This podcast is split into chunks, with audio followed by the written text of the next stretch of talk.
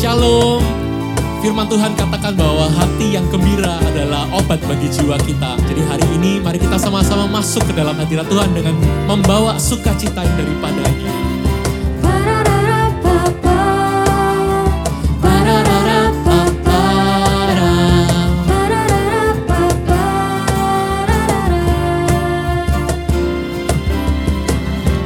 Tuhanlah kekuatan dan masmurku. Dia gunung batu dan keselamatanku. Hanya padamu hatiku percaya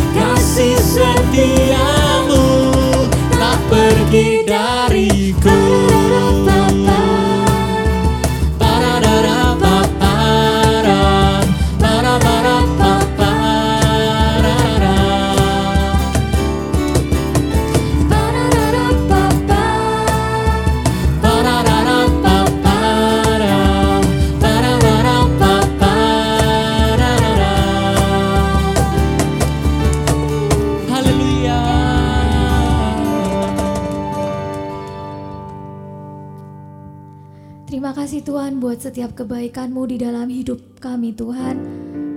Kami bersyukur karena memiliki Allah yang baik dan setia seperti Engkau. Biarkan sampai seumur hidup kami Tuhan, kami mau nyatakan, kami mau sembah Engkau selalu Tuhan. Terima kasih Tuhan.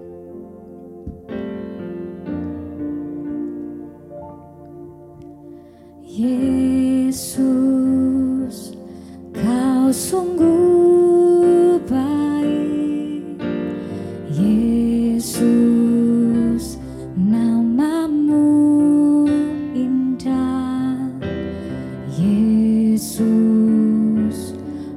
cinta kau selalu. Ku tinggikan,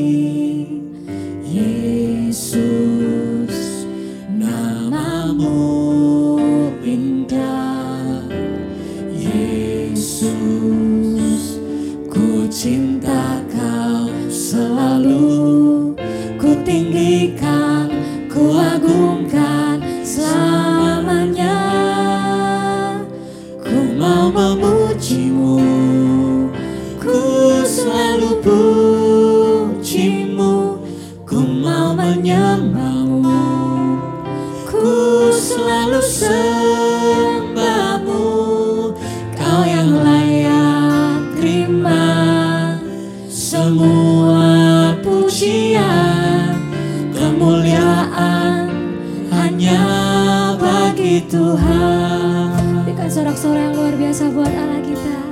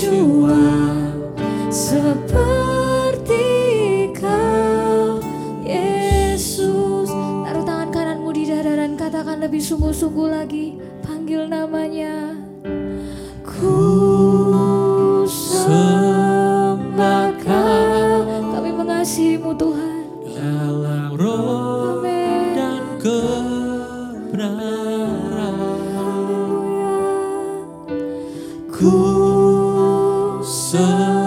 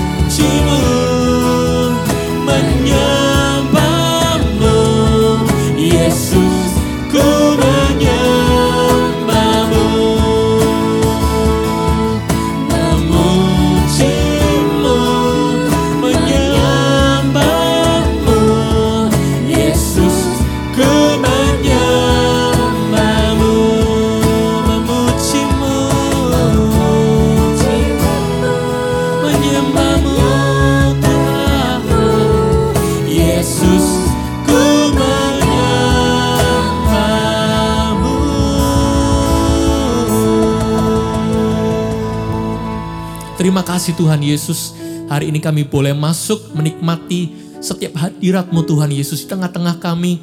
Kami bisa masuk lebih dalam lagi Tuhan di dalam penyembahan Tuhan. Kami percaya ini adalah terobosan bagi setiap kami Tuhan di hari-hari ini ya Bapak. Kami percaya apa pun yang kami alami hari-hari ini Tuhan, hanya melalui penyembahan dan worship dan praise Tuhan Yesus di dalam Engkau kami bisa menemukan satu sumber kekuatan yang baru buat setiap kami ya Bapak. Oh terima kasih Allah Roh Kudus.